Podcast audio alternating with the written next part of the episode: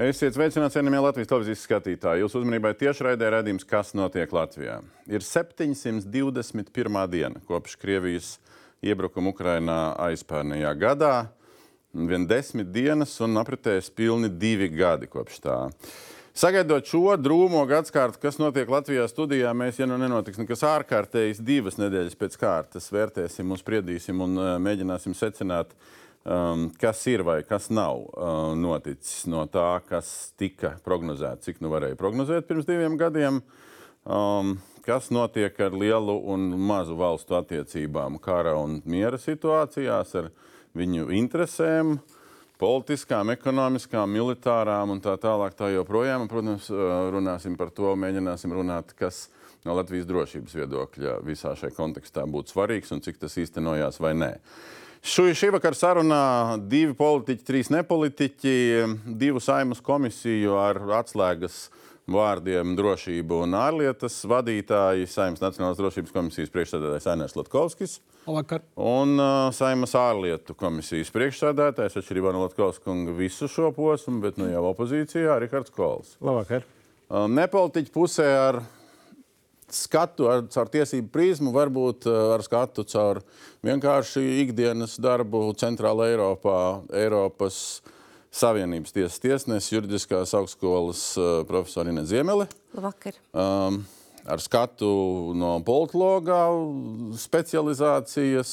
Um, šī vakar kontekstā droši vien jāpiemina uh, autors nesen iznākušai grāmatai par Krievijas aso varu. Nevis, nevis maigo, kā mēs bieži pieminam, bet aso varu. Uh, um, Ants Gudors. Labvakar. Un um, cilvēks, kas ikdienā vēl aizvien ir bērnu ārste, kuru publika ieraudzīja pirms gandrīz diviem gadiem gan um, mītiņos, gan arī šajā studijā, un kurai vēl aizvien tuvinieki dzīvo Ukrainā. Danis Sārovs. Labvakar. Labvakar.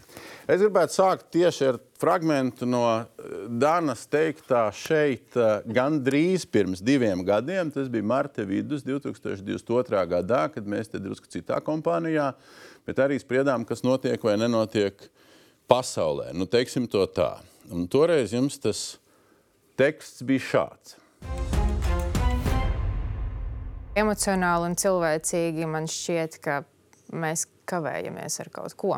Un, uh, es no savu viedokļa, no cilvēcīgā skatoties uz visiem tiem notikumiem pasaulē, es domāju, kas tad būs tā īstā sarkanā līnija, kur mēs pieņemsim kaut kādus varbūt nedaudz izšķirošākus mērus. Esmu pieņēmusi to sev, ka ir cilvēki, kur ar to nodarbojas gadiem. Viņi zina, es, es gribu cerēt, ka viņi zina, ko viņi dara, un ir lietas, par kurām es arī nezinu. Tāpēc uh, es šajā momentā, neskatoties uz to, ka man plēš visu pušu un vaļā, es cenšos paļauties uz tiem cilvēkiem, kuri vada šo procesu un kuri pieņem lēmumus kavējamies, izšķiroši mēri pie sarkanām līnijām un paļaušanās uz tiem, kas pieņem lēmumus. Nu, kas ir tagad jūsu skats uz to pašu, bet gandrīz pēc diviem gadiem? Sarežģīts jautājums, bet īstenībā tie vārdi joprojām rezonē. Um, nedaudz varbūt citādā aspektā, jo um, atbalsts Ukrainai ir. Viņš, protams, varētu būt lielāks. Man liekas, arī tajā raidījumā es par to teicu, bet par to kavēšanos un it kā uzticību, bet varbūt arī tādu piesardzību drīzāk skatos uz iekšpolitiskajiem notikumiem. Jā, man um, gribas ticēt, ka iekšējā drošība, kur manā skatījumā šobrīd ir tāda svārstīga un uz naža asmens, ka cilvēki, kas ar to nodarbojās, ka viņi saprot, ko viņi dara. Kas iekšpolitiski jums rada šobrīd tās bažas? Uh, man, mm, godīgi sakot, nav īsti pārliecības par to, ka mēs esam gatavi stundai. Un, uh, tur ir vairāki aspekti, uh, par kuriem es pati esmu domājis, ņemot vērā, ka es strādāju medicīnā un X stundā es būšu viens no tiem cilvēkiem, kurš arī būs nu, teikt, pirmajā frontē. Uh, Un uh, divu gadu laikā man iekšā ir tāda sajūta, ka ir kaut kas bijis, noticis. Sākumā mēs ļoti asi reaģējām uz to, kas notiek Ukrajinā. Šobrīd mēs esam bijuši atslābuši. Es pat teiktu, diezgan atslābuši. Un, uh, man liekas, svarīgākais ir um, jautājums par to, uh, kā mēs apziņosim cilvēku cik stundā. Un kas būs ar kritiskajām infrastruktūrām, respektīvi ar tiem cilvēkiem, kas arī būs pirmajā frontē, kas ir mediķi, policija un valsts uh, ugunsdrošības dienas. Divas, divu līmeņu, divu virzienu mēģināsim kaut kā secīgi šai sarunā, bet, Jā. uh, bet abiem pieskarties. Nu, vispirms skatoties uz to globālo pēc diviem gadiem. Nu, mums ir situācija, ka nu, tur Eiropā, kurš tur kā spriež, atnāk Orbāns nepiekrīt, piekrīt, un tas turpinās visus divus gadus. Uh, mums ir Amerika, kas palīdz, un tad sāk drusku nepalīdzēt, un tā, un tad Ukrainā sāk jau parādīties kaut kur ziņas, ka trūkst lādiņu. Un būtībā arī iedzins trūkst lādiņu, kā viņš bija toreiz. Pirms diviem gadiem tā viņš atnāk atpakaļ. Mm -hmm. Kas notiek pasaulē? Pagaidiet, no, no tā, kas notiek Eiropā, kas notiek pasaulē, jo pasaulē mēs redzam, ka autoritīvi režīmi īpaši nekašķējas, tieši otrādi sadarbojas tiešā vai netiešā veidā izaicina demokrātisko pasauli, spiež uz tām vājām vietām, par ko demokrātiskā pasaule iestājas vērtības, cilvēktiesības, likuma. Iestājas tas labi, ja. bet reku, mēs atgriežamies pie vārda kavējas. Kavējas, ka, kavējas tas, tas jau ir ļoti lielā mērā saistīts, ka tev viens ir darboties vienā frontē, bet ja tev tiek pavērtas četras, piecas frontes, tad ir jautājums, vai tu spēj nofokusēties, vai tu spēj resursus novaldīt. Tad ir interešu sadursmes arī demokrātijas uh, valstu vidū. Uh, nu, tas, kas ir pats svarīgākais, kur nu, mums mazām valstīm ir absolūti uh, svarīgi būtiski saglabāt transatlantisko vienotību, jo ir gan tuvo austrumu konflikts, kas ļoti pamatīgi atņem uzmanību arī pašā Eiropā. Nav tur, kā saka, vienotas nostājas. Kā jūs Publis, redzat, protams, tā kavēšanās ja? toreiz bija viena situācija fiziski Ukrainā viena, šobrīd viņa ir cita, bet abos gadījumos viņa ir problemātiska. Tā kavēšanās ir lielāka vai mazāka pret to esošo nu, situāciju? Instināšanās ir vēl joprojām, uh, re, kur mēs sēžam sarkanā sarkanā aplī. Uh, rietumi ir sev apvilkuši apkārt sarkano apli, turpretī Krievija nekādas sarkanās līnijas nav. Praktiski pasaka, ka mēs kāpēc rietumi? Kā jūs redzat? Kāpēc? Uh, vēl joprojām ir tas pats eskalācijas uh, bailes no bailes. lielākās konfrontācijas, atklāta kara ar, ar, ar Krieviju. Nu, tās ir bailes. Jā, varbūt mums platumgrādos. Lai redz līdzīgi. Jā, at, atklāti runājot tas, kas bija pirms diviem gadiem, martā, var arī saprast. Un toreiz, ja atceraties, toreiz tika no Krievijas puses draudēts pielietot taktiskos atomieročus. Un šis bija tas, kas iedzina bailes rietumos. Pēc tam rietumi saņēmās un deva konkrētu atbildi. Krievija kopš tā brīža vairs to neizmanto savā retorikā.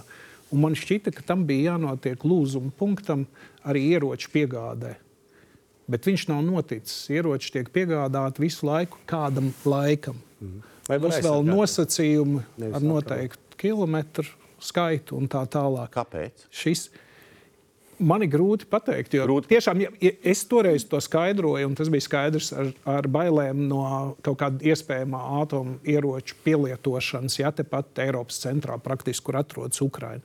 Kāpēc pēc tam tā notiek? Labi, nu, Amerikā vēlēšanas ir gaidāmas uh, un pārējais, bet šis vienkārši nav piedodams.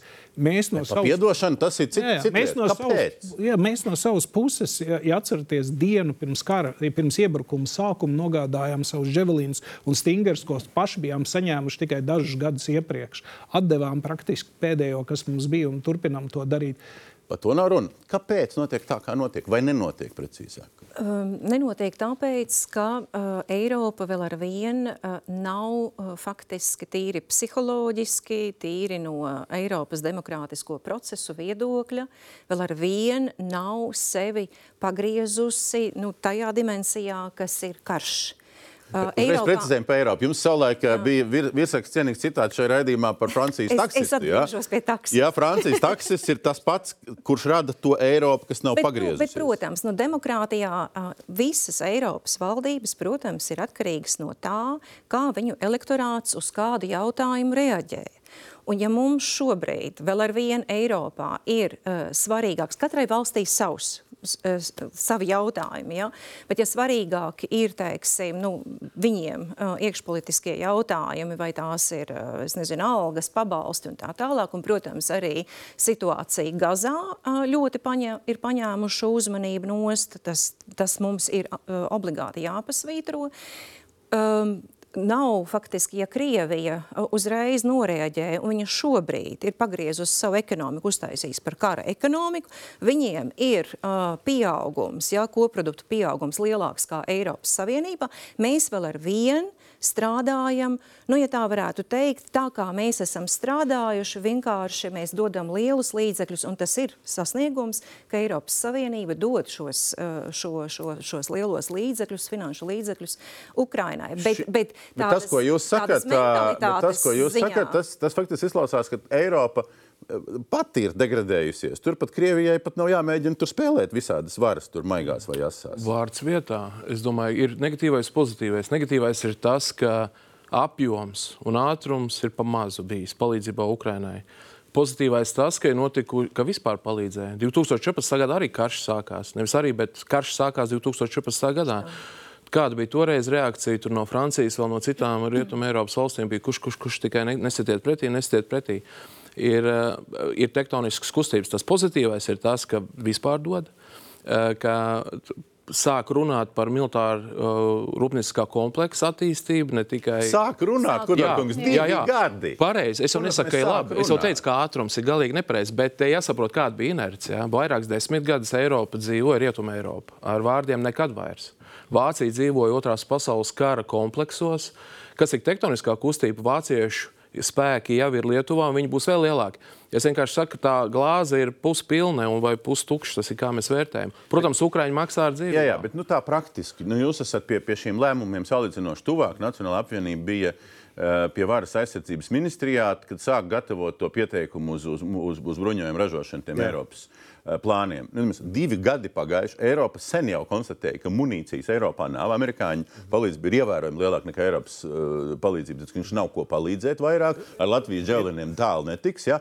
Un divi gadi bija vajadzīgi, lai izsludinātu pusmiljardiņu. Vēl, vēl vairāk īstenībā tas nav tikai pa, nu, tās pašas miljonus lādiņu, 155. Nu, miljonus gada laikā saražosim 300 tūkstoši mana tā interpretācija no tā, ka nu, arī Eiropā ne visi ir lielie ražotāji. Ir konkrētas valsts, kuri dominē mm. tomēr militārajā jomā. Tā ir Vācija, tā ir Francija, tā ir Itālija un Zviedrija arī tajā skaitā. Un, un tur man liekas, tas aprēķins tāds, kur politiskie līderi nevar iedot apņemšanos, ka turpmākos desmit gadus Mēs esam gatavi iepirkt. Un šeit ir tā lielā neloģika ar to, kas ir NATO samitos pieņemts. Viļņas samitā pieņem to, ka NATO ir jābūt 400 tūkstošiem augstas gatavības karavīriem, bruņotajiem spēkiem. Tas nozīmē augstu gatavību nevis uz papīra, tas nozīmē regulāru militāras mācības ar kaujas munīciju.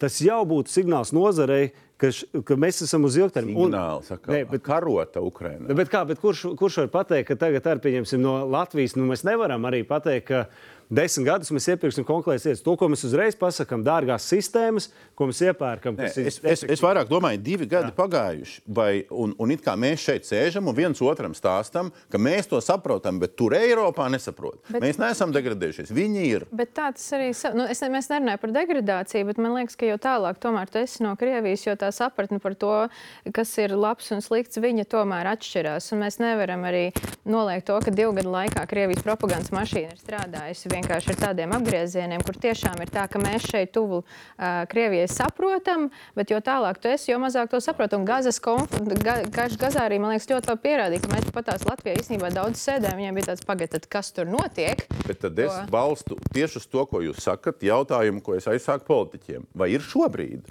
austrumu pret rietumiem Eiropas mērogā politiskais konflikts? Vai nav? Es domāju, ka konfrontācija ir. Jo viņam jābūt, ir, ja, ja ir šāda situācija. NATO ir skaidri pateikusi, Krievija ir pretinieks, agresors. Un uz tā, pamata, uz tā pamata ir visas aizsardzības plāni, kas ir nevis tikai ar to, ka ar sodīšanu ja, ja būs uzvedīsies agresīvi, bet jau ar, nu, kas, kā sanāca, by denial. Tad nav tā, ka, jo, jo man pēc tā, ko mēs šobrīd sākam, austrumu eiropiešiem būtu vēl niknāk jāsaka rietumu eiropiešiem, jūs, draugi, mīļie, bet, bet nodalām, ceļu. Bet nodalām, paskatāmies, cik divi gadi nav panākts. Ja mēs skatāmies NATO ietvaros, nu, ir būtiski, ir potenciāli divas jaunas dalībvalstis mūsu reģionā klāt, pievienojušās. Nākamais ir Madrides samits, kur mums ir brigādes lieluma kaujas grupas. Tālāk Viņas samits 400 tūkstoši augstas gatavības karavīri. Tas ir Nu, tās ir būtiskas izmaiņas. Iepratim 40 tūkstoši kaujas, augstas kaujas gatavības, kas bija iepriekš. Tas nu, ir par NATO, kur mēs esam apgūlis. Es domāju, Domborkungs par to pašu Ukraina. ražošanu un mm. lādiņiem, ko mēs piegādājām. Tikko vakardien, aizvakar Reiksmetālu atklāja ražotni. Un īstenībā daudz no šiem ražotājiem Francijā un Vācijā ziņoja par to jau kara sākumā, ka viņi ir gatavi, viņiem ir iespējas. Viņiem tikai ir jābūt pasūtījumam. Mm -hmm. Neviens uzņēmējs, protams, neražos tāpat viens. Kurš nepasūtīja? Kur, kurš tieši nepasūtīja? Vācijas valdībai. Vācijas Beidzot, valdībai. viņi sāk tērēt naudu, budžetā ir paredzējuši šo naudu. Tur Beidzot, tā subsīdija apgriešana dažiem labam Tā ir arī mentalitātes lieta. Ja? Tas uztraukums par to, ka Putinu izprovocēs ar kaut kādu spēka rīcību, ja? ir, viņš joprojām ir inerts, ir palikusi daļai, jo viņi nejūtās pietiekami apdraudēti. Un rietumu, rietumās, mēs arī esam rietumi, viņi nesaprot, ka otrādi vājums provocē Putinu. Put, atslēgas vārdu Putinu piesaucāt. Man ir vairāk video šodien, ko spēlēt, tinot apakaļ uz, uz to, kas tika teikts. Uh, Putins un vēl viens atslēgas vārds, kas toreiz izskanēja, vārds izolācija. Mm -hmm. Jā, arī no jūsu mutes. Jā, jā. Tas video būs Tas arī, arī, arī, arī no jums. Jā. Prezidents Egils Levits un jūs. Aha. Krievija ir izolēta. Mēs redzam, ka Krievijai nav gandrīz neviena drauga, izņemot varbūt Venecuēlu un kādas tam līdzīgas valstis. Krievija ir izolēta, tā tiks izolēta uh, Eh, lielā mērā vai gandrīz pilnīgi, un Steinbuks kundze varētu to tuvāk paskaidrot no pasaules ekonomikas. No šīm organizācijām ir jāprasa Krievijas izslēgšana. Šeit ir virkne, tā nav tikai ANO eh, ģenerāla asamblēja. Mēs varam runāt par veto tiesību atņemšanu Krievijas federācijai. Nav obligāti jāizslēdz no ģenerālas asamblējas. Jo redzam, ka attiecīgi agresors izmanto ļaunprātīgi savas tiesības, uzliekot veto. Tas būtu viens. Tā arī ir iekšējā procedūra, ko vajag ANO jau tagad izsnākt. Otra ir tepat reģionālās organizācijas, Baltijas jūras padome. Virkne lietu ir jāslēdz absolūti ārā. Es pilnībā piekrītu prezidentam kungam, Krievija ir jāizolē. Ziemeļskundze arī bija tajā raidījumā attālināta toreiz. Nu, cik mēs esam izolējuši Krieviju?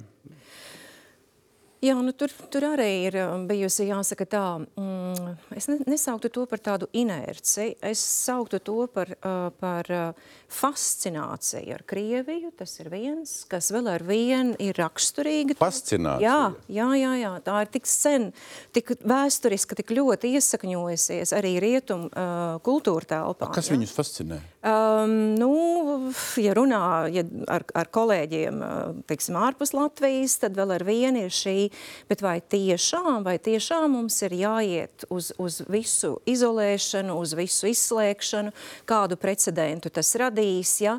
ir nepārtraukti šī svēršana, um, kur mums, protams, ir ļoti grūti saprast, Uh, Latvijā. Ja, bet tās nav tās bailes no atomieročiem. Nē, nē, nē tas, ir, tas ir pat vairāk kā tas uh, moments ar atomieročiem. Tas, protams, tika strateģiski militāri analizēts un tā tālāk, bet es runāju par kaut ko plašāku, proti par mentalitāti, ja, ko tiešām Kudorkungs minēja, par šo vēsturisko saikni ar Krieviju, kuru var just, ka viņa tomēr traucē arī tas, kā ANO ir veidojusies, piemēram, ja, kādu lomu savulaik tātad PSRS tur ir spēlējusi, kāda loma ir pastāvīgajām dalībvalstīm uh, ANO drošības padomē, un tik šausmīgi grūti nākās tīri praktiski, ko juridiski var īstenot, bet praktiski pārvarēt visas šīs barjeras. Fascinētības barjera? Jā. Es, es nezinu, vai fascinētība, bet uh, tas darbs ir nemitīgi par uh, Krievijas izolāciju. Uh, Mēs varam minēt, nu, tā ambīcija, ko jūs toreiz uh, teicāt, Jā, no Baltijas jūras, no Baltijas, no Baltijas jūras padomas ir ārā Krievija. Tālāk no ECO, uh, Eiropas drošības sadarbības organizācijas, praktiski Krievija pati vairs nepiedalās, saprotot, ka tur skābeklis ir piegriezts. Apvienotās neveic, nācijās cirks turpina. Apvienotajās nācijās, nu, lai kā mēs gribētu, mēs nevaram tagad izmainīt uh, drošības padomi. Jūs gribējāt toreiz izmainīt? Absolūti, bet vienīgie, kas par to runā, ir Ukraiņi. Un neviens neiestājas, nerunā par to, ka vajag pārskatīt to procesu, kurā brīdī un uz kāda tiesība pamata Krievijas federācija pārņēma stafeti no Padomju Savienības, jo tur arī bija jābūt balsojumam. To neviens nav uzturējis, vēl joprojām neuztur, bet ko es varu minēt? Pieņemsim tagad ģenerālās asamblējas prezidents. Tie ir ļoti reti gadījumi, bet viņš izmanto tās tiesības, kur, ja kāds no P5 no drošības padomus izmanto veto tiesības, viņam ir jāsniedz paskaidrojums. Ka tas nav vienkārši es uzliku veto, virzamies tālāk. Tur ir pat īstenībā, un tas nozīmē, ka daudzi, kas varbūt akli tic Krievijas propagandai, tad, kad tiek skaidrojumi sniegti, ka redz, ka tur īstenībā nav pamata, var vispār mainīt savu uzskatu, redzējumu par Krieviju kā tādu. Nepiekrītat? Tas, tas ir lēns nu, es process. gribētu to tā, tas tā ļoti optimistiski izklausās, bet es šobrīd esmu varbūt Kā tāds veidots? jā. Ir postmoderna, te ir tomēr filozofiska problēma. Ja? Postmodernā Eiropa skata sevi baltu un pūkainu un dzīvo kaut kādās naivos priekšstatos par to, kā miers ir panākams. Un šis uh, sauklis nekad vairs, kurš ir veselīgs un labs, ir doma tāda, ka droši uh, miers par katru cenu. Tas nozīmē, ka to cenu var maksāt, piemēram, Ukraiņi, un Eiropa nekustēsies. Ja tā ir Šajā gadījumā miers par katru cenu sauklis no kā puses. Miers par katru cenu no, no Briseles, no Berlīnes, no Parīzes, ja, no, no Rietumē Eiropas galvaspilsētām. Tas nozīmē, ka joprojām ir, viņi uzķerās arī uz Putina narratīviem, nevis Putina, bet Krievijas ja, dezinformācijas un propagandas narratīviem. Tad, kad viņš sāk žvadzināt kodolieročus un biedēt, tad viņi arī uzreiz sāk apstāties.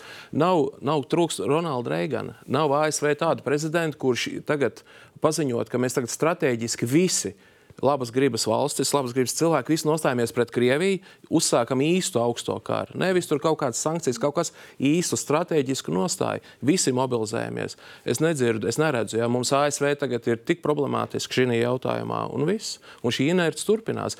Mums ir cita izpratne te. Mēs saprotam, mēs atceramies okupācijas periodu, mēs savādāk skatām otro pasaules karu, mēs saprotam, ka ir spēks jāliek pretī. Mēs zinām, ka Putinu, Putinu izprovocēja ne jau stiprā Ukraina 14. gadā, bet vājā Ukraina, korumpēta. Ja, tā somiņa, to varētu iztēloties, kā sieviete gulēja uz zemes, viņas somiņa bija blakus. Un tur no Krima, eh, Krima rēgojās ārā no somiņas. Huligāns gāja garām un paņēma eh, Krimu, tāpēc, ka bija viegli paņemt. Putins tagad cerēja, ka viņš atkal viegli paņems, tāpēc viņš uzsāka avantūru. Nu, ko, kas Putinam galvā, zina, skatoties to Karlsona pēdējo interviju, arī tur ir simts versijas katram. Tā kā apgalvot, ko viņš cerēja, ko viņš zināja, ko viņš Bet, nu, viņš gribēja, negribēja. panāca, viņš nu, savu to panāca. nekad nevar zināt. Kā, kā jūs jūtat starp fascinētībām, līderu trūkumiem, vēl kaut kādām versijām? Kas, kas notiek ar šo izolācijas stāstu? Uh, nu, ja mēs kaut ko paskatāmies tādā sabiedriskā līmenī, to, par to, ka Latvijā arī brauc uh, mūziķi no Krievijas ar nezināmu statusu par viņu sapratni par to, kas notiek Ukrajinā.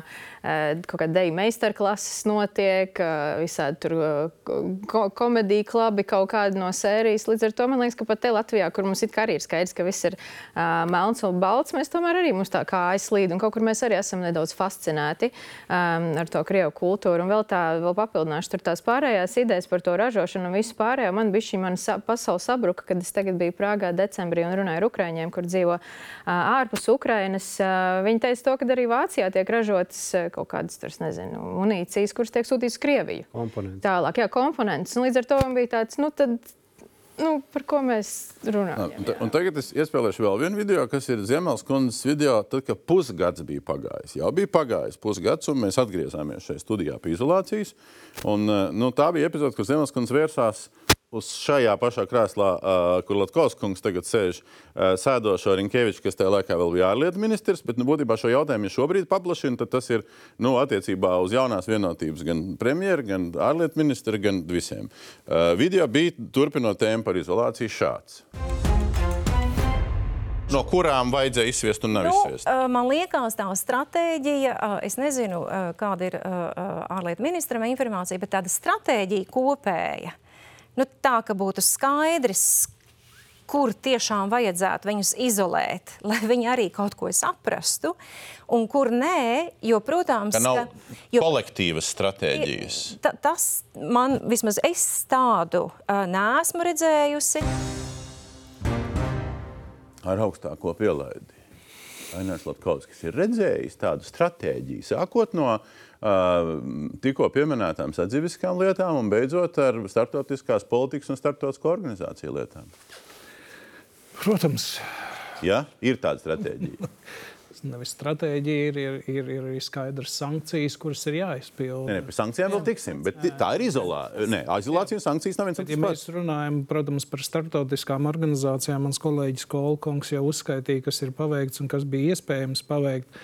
Un šajā gadījumā, attiecībā uz ANO, es pat nediskutēšu ā, šādas iespējas. Ja mums kaut kādas iespējas ir ietekmēt lēmumus Eiropas Savienībā, tā apvienotajās nācijās, Latvijai vai pat kopā trīs Baltijas valstīm, iespējas ietekmēt kādas lēmumus, tur es uzskatu, nav nekādas, nav ko lolot, kaut kādas cerības un ā, runāt par nākotni. Vai nu šī organizācija pati sabruks kā bezjēdzīga pēc Ukrainas uzvaras šajā karā, vai viņai būs jāreformējās savā. Nu, Tad mēs tur plānojam uz to drošības padomu iet, ja šī tik bezcerīgi. Nē, nē, e- e- es varbūt jau varu papildināt. Ir. Nē, nē, bet, bet, bet pabeidzam. Kungs, tā stratēģija, viņa kaut kāda super slepena, neviens Nē, nē, nē. viņu neredz, Nē, ir. nē, nu, atvainojos, nav tādas uzrakstītas stratēģijas attiecībā uz šo izolāciju. Nu, nav, tas ir jāveic katra. Katrs lēmums, kas nāk priekšā, ir jāskatās ar to prizmu. Tāpat kā iebraucošie mākslinieki, kuriem ir jāliedz, un uh, tur ir skaidri jānoliedz, ir redzams. Bet pagaidi, jums ir iekšlietu ministrs Jā. Kazlauskas. Viņš var taisīt melnos sarakstus Tā arī dara, arī taisa, arī ievieto. un brauc. Jā, caur Turciju apkārt. Man, Tāda bet man ir pavisam konkrēts jautājums. Viens ļoti konkrēts uzdevums ir tomēr izveidot šo speciālo tribunālu. Ar ģenerālās asamblējas uh, pēc iespējas teiksim, pozitīvu vērtējumu, lai arī tā varētu būt Eiropas iniciatīva. Plāns ir, kā tas, nu, kā tas virzās. Pašlaik to valstu skaits īpaši nav palielinājies, kuras ir piekritušas līdz Eiropas līmenī pat. Jā. Nu, jā. Nu, bija iespēja tikties uh, Ņujorkā ar uh, Ukraiņas vēstnieku Anu Kisļicu kungu. Un, uh, nu, es arī tas, tas priekšstats ir tāds, tāds nosacīts Eiropas deja vu par nāciju līgu, uh, nu, kas arī praktiski pirms otrā pasaules kara sabruka. Ja nespēja par saviem principiem iestāties ar Čehoslovākiju tajā skaitā un uh, ar Naciskās Vācijas agresiju. Bet viņš nu, diezgan tā uzskatām parādīja, ka ne viss ir tā, kā tiek, uh, nu, kā mēs redzam, mēdījos un pasniegts. Jo mēdījiem arī ir sensācija, uh, kaut kas notiek. Viņš pateica, ka īstenībā Ukrainai tiek sniegts atbalsts ANO ietvaros. Ja mēs paskatāmies no, kas ir humānā atbalsta, Nu, tur- lielākā tur- tur daļa, ļoti 4 daudz. miljardi, tieši nāk no Ukrainā. ANO, jā, jā, pat nekā- ANO ne, un, un viņš izstāstīja, ka īstenībā diezgan daudz kas tiek darīts. Jā, ka, tur, kur ir problēma, kur buksē, kas ir tieši tā militārā dimensija, drošības, tur ir skaidrs, tā tad ne tikai Krievija, bet arī dimensija. Krievija, jā, ne tikai Krievija un Ķīna, bet tas jautājums, ko Domburkungs jautāja, ir ļoti svarīgs. Un Te galvenā uh, atbildē būtu jābūt no mūsu strateģiskiem sabiedrotiem ASV. Vai viņiem vispār ir redzējums, vīzija par Krievijas strateģisko sakāvi? Un jūs, nesat, jūs esat pabijis tajā Amerikā nereizi. Ja, nu, pa, pagaidām nu, ir ierauts viss jau priekšvēlēšana periodā. Mēs redzam, ar kādām potenciāli negatīvām pat sekām tas viss var notikt. Nu, mūsu uzdevums ir tiešām, ja tāds, ka, kas ir iespēja, jebkura iespēja ir doties ne tikai uz Vašingtonu, bet arī uz problemātiskiem štatiem. uh, Runāt ar vietējiem likumdevējiem, ar tiem pašiem gubernatoriem, ar tām pašām sabiedrībām. Mums bija uh, uh, astoņu komisiju vadītājiem diskusija Kolumbijas Universitātē. Runāt, jums darbs tāds, jums par to naudu maksā. Rezultāts kā? Bet, pagaid, bet kā tas savādāk pārliecināt sabiedrības? Pirmkārt, mēs redzam, ka pa, paši ASV politiķi, teiksim, tieši tas republikāņu daļa, kas tagad ir tā problemātika atbalstu sniedzot Ukrainai, viņi paši baidās no Trumpa. Baidās no Trumpa mm. ievēlēšanas, un tas ir, tas ir tāds Jā, bet- ļoti nu, paralizējošs viņiem bet faktors. tomēr tas, tā, šī situācija kārtējo reizi Eiropas vēsturē parāda to, ka šis, nu kādreiz taču Eiropai pašai jāuzņemās ir tā atbildība. Nu, nu, Nu, Lietuvas tur- tur kolēģis nav- pateica, ka nav amerikāņi vienkārši pamodīsies tikai tad, kad piedzīvos Pearl Harbor 2. Nu, Vēsture, vēsture ir piesaukt pamatot. Ja? Un Kā tad ir gājis ar Pirmo pasaules karu, Otro pasaules karu? Amerikāņi ir nākuši un atrisinājuši. Abos gadījumos arī Pirmā pasaules karā Udro Vilsons negribēja iesaistīties Eiropā. Uh, viņu aicināja, un, protams, labi, ka viņš piekrita. Pēc tam ir Otrais pasaules karš. Briti ļoti lobēja, lai amerikāņi iesaistītos. Bija Pearl Harbor, tas arī ietekmēja visu procesu. Nu, lūk, es, es īpaši neredzu, es esmu starptautisko tiesību fans. La, Latvija, kā maza valsts, ir ieinteresēta. Mums pragmatisms sakrīt ar, ar ideju, ka starptautiskās tiesības ir svarīgas, jo, ja nē, lielie visu kārtot tikai spēku pozīcijas. Nu, bet bet, nu, ļoti limitēti. Jā. Ļoti limitēti. Tas, kurš atnāk un ies, iesprāž karodziņu un Mm. paziņo, šis ir mans, de facto tas var aiz, no, nodrošināt de facto situāciju, kur uh, neval pusvalstiski veidojumi pastāv desmit gadiem. Spēks visu atrisina. Ja ASV nerīkosies, kā viņi darījuši vēsturiski, tad es nezinu, es ceru, ka Eiropieši mobilizēsies. Un, Nepiekrita. Ne, es nepiekrītu, protams, jo redzat, a- arī šī mūsu saruna viņa jau notiek ar starptautisko tiesību konceptiem. Lai mēs vispār zinātu, kas ir labs un kas ir slikts, bija jāaizliedz eh, kara piemērošana valstu attiecībās, kas ir salīdzinoši no vēstures griezuma ļoti nesens uh, fenomens. Ja? Lai mēs zinātu, vai kas ir pieļaujams kara darbībā vai nē, ir nepieciešams viss šis starptautiskais regulējums. Līdz ar to mēs jau konceptualizējam šo karu ar starptautisko tiesību konceptiem. Ja viņi mums nebūtu, nu, mums būtu pavisam Ļoti Bet tā, labi. bet tā vienkāršāk sarežģīti, ja? cilvēkam saprotam, konceptualizēja tas forši. Bet sākās karš, norestēja cik tur simtus miljārdu Krievijas centrālās bankas aktīvu, Jep. kurās tur bankās divi gadi, notiek gudra spriedelēšana, ko mēs ar tiem aktīviem varētu darīt. Jep. Tagad aizspriedelējamies, nu varbūt to fondu. Kur varbūt tu tā, tā, caur to nodokli tās dividendes, nu kaut kā paņemsim, un tad varbūt tie daži miljardi līdz Ukrainai nonāk. Tāpēc, ka, tāpēc, Kur ka starptautiskās tiesības aizsargā īpašumu, aizsargā Un gan divus pri- gadus, un tas labi ir. Nē, Nē, nē, nē, es nesaku, ka tas ir labi, bet ka, tas koncepts ir, ka šis īpašums ir aizsargāts. Pirmkam, pirmkārt, ir gan imunitāte, gan arī privātpersonu īpašums. Eiropai, no kurienes īpašuma aizsardzība nāk, tas lielais izaicinājums ir pilnīgi šos konceptu izmainīt, un tas tā ir radikāla izmaiņa, izmainīt tāpēc, ka ir leģitīmais mērķis. Es uzskatu, ka tāds pamats ir, jo šāda veida agresija, nu, viņa ir atšķirās no visa, kas mums ir bijis līdz šim, un tas būtu pamats, un tas ir pamats, lai šo izpratni par privātu īpašumu aizsardzību mainītu. Fascinētie kolēģi neuzskata. Kāpēc būtiski- Vācija, kāpēc Vācija demokratizējās un Japāna demokratizējās? Tāpēc, ka viņiem patīk starptautiskās tiesības, nē, tāpēc, ka amerikāņi viņus turēja ar muskuļainu roku un teica, tagad būs šādi. Un viss spēks vienalga noteica to. Bet jūs esat spēka fans vai starptautisko tiesību? Ab, abi droši. Es- šiem es abu iesaldētiem līdzekļiem situācija īstenībā, jā, mēs varam runāt, ka Eiropai viss jādara tiesiski, jo savādāk mēs paši nonāksim pretrunā ar saviem principiem, bet tomēr tā realitāte ir īstenībā daudz nepatīkamāka vai kroplāka. Pirmkārt, ir tas, ka virknēm Eiropas uh, Savienības dalību valsts ir divpusējie līgumi ar Krieviju kurus viņi vēl joprojām nav pārskatījuši un ir spēkā, kur citu starpā arī varētu skart uh, saistības ar finanšu jomā tajā skaitā.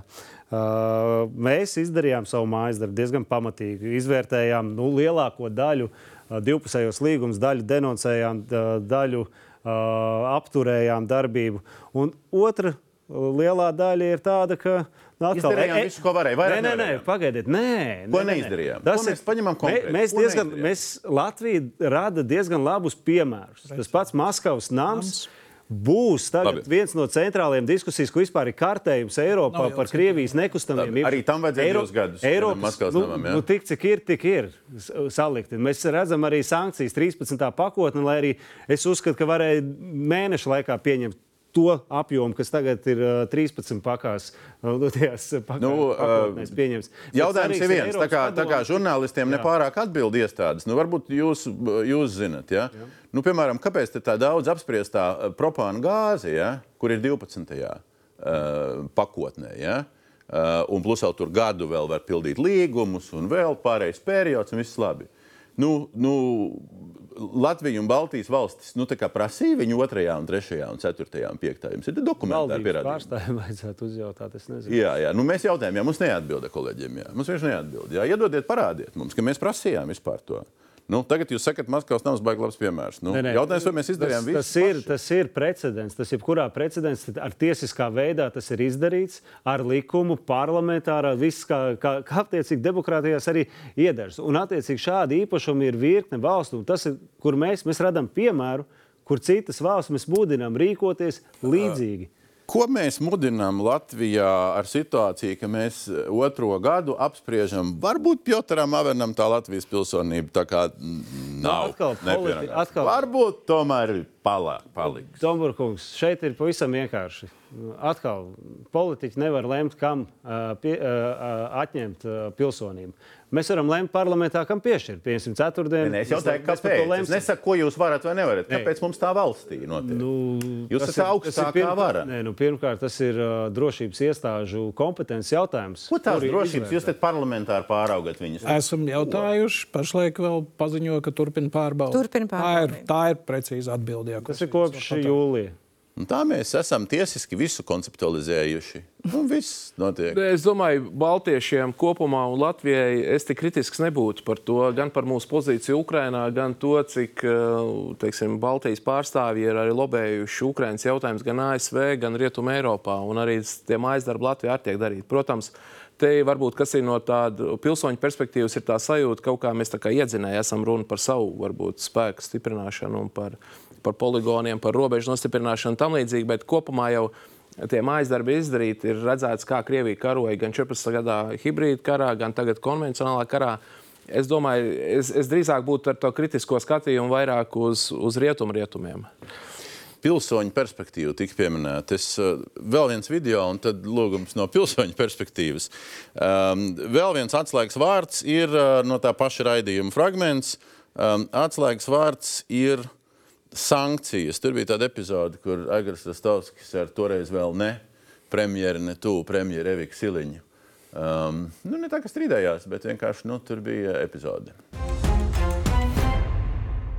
Ir jāizdomā veids rietumu civilizācijai, kā Putina agresiju apturēt Ukrajinā un lai tas viss ārprāts beidzās. Tas ir tas faktiski šī brīža tāds fundamentālais uzdevums. Nu. Bet sankcijas, efektīvas sankcijas un neskaitāmas sankcijas ir viens no tiem veidiem.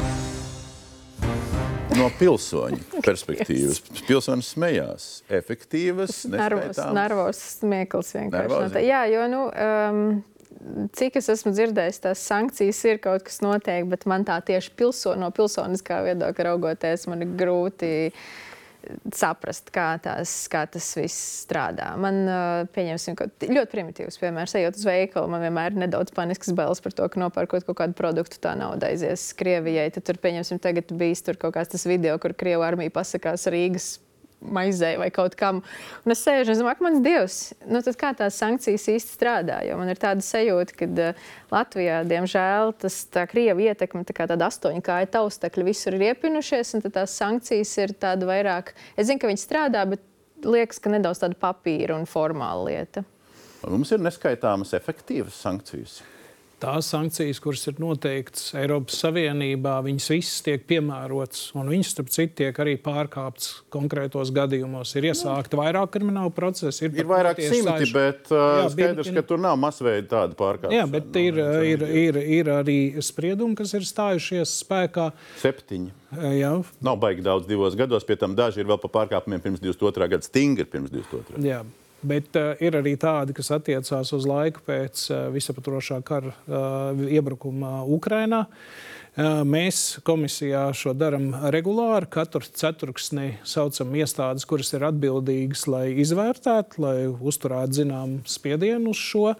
Un, uh, Tas, ka uz atsevišķām lietām šo sankciju nav, ka Krievija nav pilnībā izolēta, nu, nemelosim, tā tad nav. Ja, ir, tas arī ir iespējams nonākt arī šeit, bet tam, kam jau nav jānonāk, to pirmkārt uz robežas atbildīgs valsts ieņēmuma dienesta, muitas dienests un arī pārējie. Nē, bet tas viss skaidrs. Bet pēc nu, tā, nu, no putnu lidojuma skatoties, nu, tās ir efektīvas sankcijas. Jūs uzskatāt, Tās manā skatījumā ir nepietiekamas. Tas, ka mēs viņus pielietojam, nu, es teicu, ir arī pārkāpji, bet vismaz pēc tās informācijas ir nu, ar lielu garantiju, ka vairāk kā 90% kas ir, kas ir jūsu skaidrojums? Piemēram, minerāli mēsli no Krievijas, kas rada pēc tam to, ko daudzi nopērk veikalā, sazina, cik valstīs. Ja?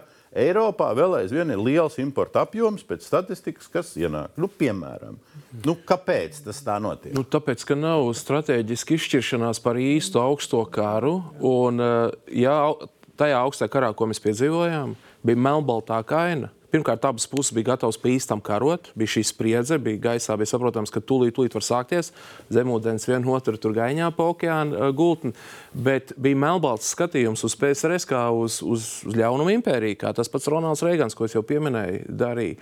Tagad Krieviju neskata tik melnbaltu un tik šī gadījumā melnu. Ja?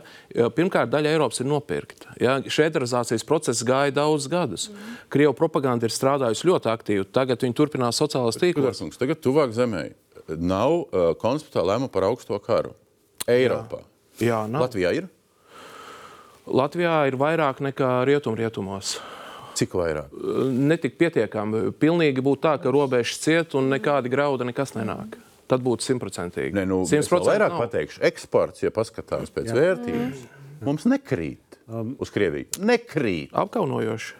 Nu, Morāli. Konceptuālais problēma. lēmums tā tad ir kaut kur tur ārā. Un tas jau ir tas jautājums. Negribās vieniem pašiem to īstenot. Es, es domāju, Nevis, viens ir no. Negribās, bet nav iespējams. Tur jau tā bēda. Mm. Tas attiecībā uz visu ir. Pirmās sarunas, protams, ir uzreiz Baltiešu starpā, un tur jau bieži vien nav šīs vienošanās. Nevar panākt par to, ka mēs to darītu visi kopēji uz trim robežām. Par ko nevar panākt? Konkrēti Latvija ar Lietuvu un Igauniju nevar panākt vienošanos. Par ko? Nu, kaut vai par tiem pašiem graudiem. Nav nemaz tik vienkārši. Mēs esam pirmie, kas ir uzrunājuši, vēl jau nav atbildes atpakaļ no Jūs pārējiem. esat uzrunājuši, piemēram, ka Latvijas medikamenti desmitiem miljonu gadā turpina iet uz Krieviju, Baltkrieviju. Jūs esat uzrunājuši kaimiņus. Mums, viņiem tādas ražošanas pat īsti nav. Nu. Viņiem nu. nav, bet arī Eiropas Savienībā nav tādas sankcijas attiecībā. Uh, ne, nu, Jā, bet tas ir arī Eiropas, Latvija var lemt. Tas, e, tas e, tiešām ir strateģijas jautājums. Tā, tā diskusija ir bijusi par medikamentiem. Un Eiropas Savienībā ir dalībvalsts, kas pasaka, ne, ka tie ir humānie apsvērumi. Tādām precēm nenotiek sankcijas, jo tomēr ir vēl tā ticība, ka tas ir Putina karš. Jā, jā, jā. Krievijas. Ne, tas arī ir. Mēs neko nevaram. Ne, nu, un mēs te šitajā pierobežu bet, zonā, Somija, Igaunija, Latvija nevaram. Nepieņem ar kvalificētu balsu vairākumu. Viņas pieņem uz konsensusu, uz vienprātības. Resti, jūs paliekat taisa pozīcijās, ka kaut kāds kāpēc, atsevišķais kāpēc Latvijas paliek? lēmums vai Baltijas pagaidiet, lēmums nevar pagaidiet, būt. Kāpēc tā? E, es uzskatu, ka kādā brīdī mēs nonāksim līdz tam, ka robeža klapēciet. Tas būs jādara viennozīmīgi no Somijas līdz pat Polijai. Eh, tas, ko Latkovska min, eh, kungs min, ka atsevišķi Latvija aiztaisīs, nu, plūdīs ar to pašu Igauniju un Lietuvu. Un tas, ar ko mums jācīnās, kur nav regulējuma arī Eiropas Savienībā, ir saucamie iespējotāji. Vietējie aktīvisti, kuri uztaisa vienas dienas kompāniju vai vēl kaut ko, eksporta licences mums nav pilnīgi uz visām precēm. Var eksportēt ne tikai uz Krieviju, bet caur Centrālā Aziju. Šeit ir jāpaplašina, pieņemsim, strateģisko preču aprits likums. Jāiekļauj ne tikai tas, ka ir avansētas mikrosistēmas, bet pat veļas mašīnas jāuzliek to, ja tu eksportē uz Centrālā Aziju, tev jāsaņem ir eksporta atļauja. E, jā, es domāju, ka tas ir tas, pa ko es bažījos. Ka paies divi gadi, nu, ja jūs jā. būsiet vēl tajā amatā. Un jūs Tāpat tās jābūtības izteiksmē runāsiet, un tas nebūs noticis. Bet pagaidiet, ir, ir virkne lietas, kas ir piepildījušās, kas ir runāts ar pirms diviem gadiem.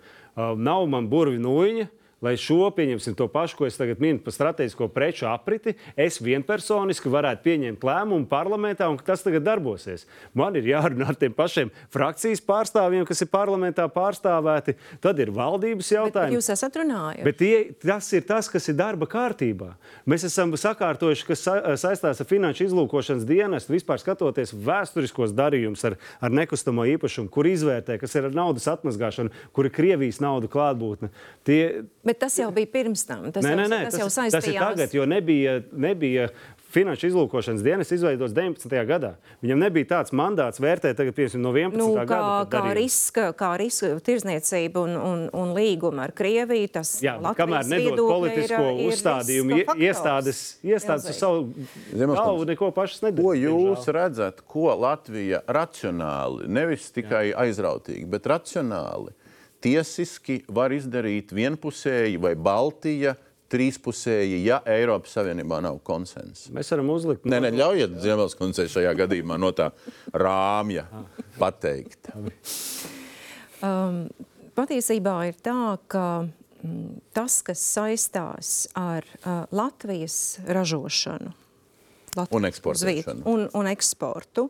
Un eksportu austrumu virzienā. Un tātad šeit es domāju ne tikai Krieviju, Mhm. bet arī īpaši pieminēto cen- Centrālā Āzija. Un tā, protams, nav tikai Latvijas problēma. Jūs skatāties, kā ir eksports audzis faktiski no daudzām Eiropas Savienības dalību valstīm uh, uz Centrālā Āziju, teiksim tā, tur tas uh, pieaugums ir, ir, ir vienkārši nu, nu, pilnīgi seriāls. Ja?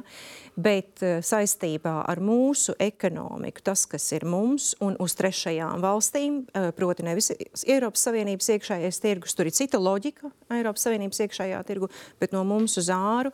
Tur uh, Latvija var darīt, un likumdevējs un valdība nu, strateģiski var domāt, nu, kā, kā, kā mēs gribam, kā pēc kaut kādiem mūsu teiksim, principiem. Tur jāņem, protams, ir vērā, un tas ir saistīts arī ar visiem daudzajiem līgumiem, ko jūs esat denonsējuši. Jebkura šāda izšķiršanās, viņa prasa ļoti pamatīgu analīzi. To es nekad neesmu teikusi, kad var vienkārši rītā paņemt un Analīze un aiz- tiesiski, jo analīze Tiesiski. ekonomiski jau tur diezgan ar skaidri jūtama. Nē, nē, eh, tur tieši tā. Un, un arī jāņem vērā, kādi ir līgumi saslēgti, jāņem vērā ir tie riski, ka mūsu pašu, piemēram, biznesus var iesasūdz, sasūdzēt šķīrēji tiesās visās mm. milzīgajās. Tur tomēr ir ļoti jāskatās. Vienlaicīgi, piemēram, mums ir jāskatās arī tas, nu, jūs minējāt šo te tiesisko sadarbības līgumu, ja? ir jāskatās, kur tas taisni būtu mums nepieciešams, lai aizsargātu mūsu cilvēks. Tur tā analīze, nu, tagad jau divi gadi pagājuši, es nezinu, tā, vai tās analīzes ir bijušas, ja, bet viņām vajadzēja būt, un, protams, ka Latvija var darīt šeit un uz trešām valstīm diezgan daudz. Atkal ir analīzes, kuras publika neredz, bet ir bijušas. Tātad, eh, ņemot vērā kaut vai šīs sankcijas un uh, eksportu uz uh, NVS valstīm, jeb uz atsevišķām, pagājušā gada rudenī šo jautājumu arī skatot un redzot to pieaugumu, kas ir bijis. Uh, prasība bija no kontrolējušām institūcijām pievērst uzmanību tam. Mēs tagad redzam, ka lielākā daļā no šīm NVS valstīm tos pēdējos trīs mēnešus arī kritumi, izņemot, nu, lai publiski pateikšu, Kazahstānu, ja, kur ir. Tātad uh, ir iespējams arī izdarīt zināmu spiedienu uz eksportu šajā gadījumā, kurš ir atļauts uz šīm valstīm, bet redzot tos apjomus, ir diezgan skaidrs, ka pretējā pusē ir kāda vidutāja, kur pēc tam iespējams to uh, nogādā uh, Krievijai.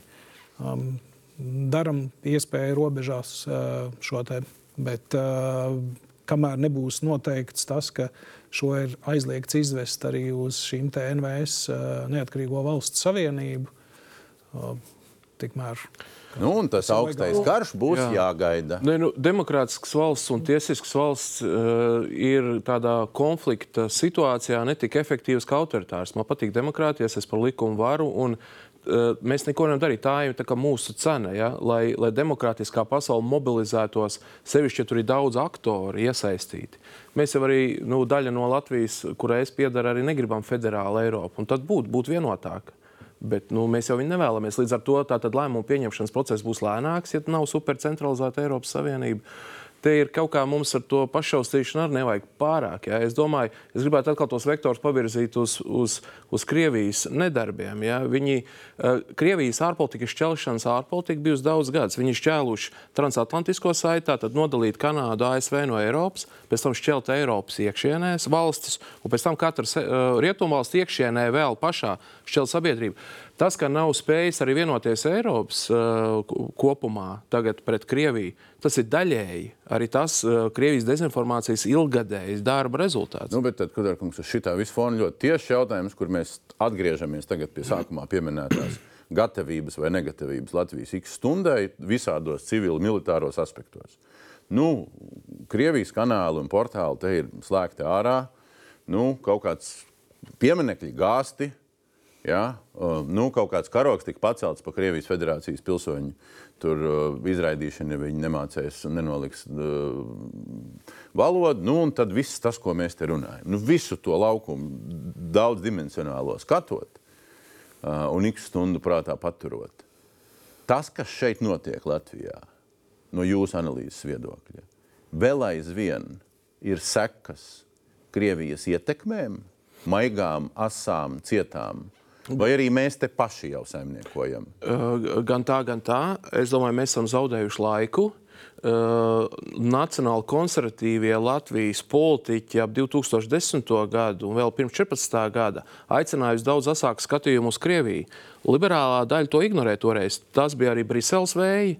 Un, uh, tas rezultējās tajā, ka laiks tika zaudēts, izglītības reforma tika apstādināta. Uh, Latvijā telpa netika nostiprināta. Vārdā, kura liberālā daļa? Nu, vārds uzvārds vienmēr. Nē, nu kā jaunā vienotība, visliberālās partijas. Jā. Tikai Pārējās. jautājums, kurš te iesāk šo reformu, Kārlis Šadurskis. Šadurskis, jā, paveicās, ka pie viņa bija Kārlis Šadurskis, bet kas uzturēja fonu, tie bija tāpat nacionāli konservatīvie kas apstādināja to reformu.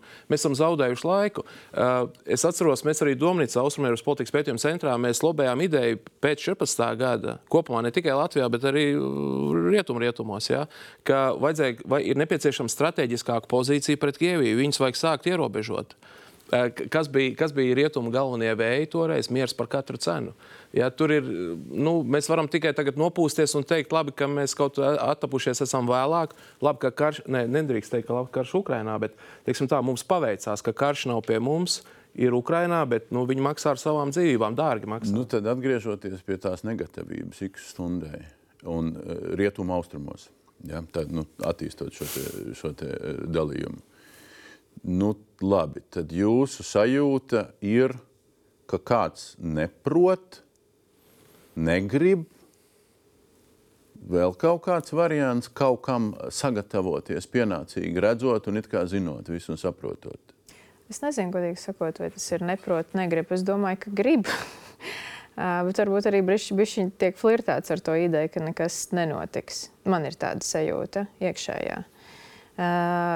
Vēl man šķiet, ka visam tam mūsu tam, tam pamatiņam pa virsu vēl ir kā ķirsīts uzlikts torts, ir tas, ka patīk varbūt nonākt kaut kādās varas pozīcijās un realizēt kaut kādas savas ambīcijas, arī nedaudz paņemt Ukrainu kā trendu, ielikt tajā trendā iekšā un tad audzēt varbūt kaut kādu savu popularitāti, bet par reālām problēmām īsti domāt. Viņas ir sarežģītas, ir daudz lietas, mm. par kurām ir jādomā, tur būs ļoti daudz atbildības jāuzņemās un jāstrādā.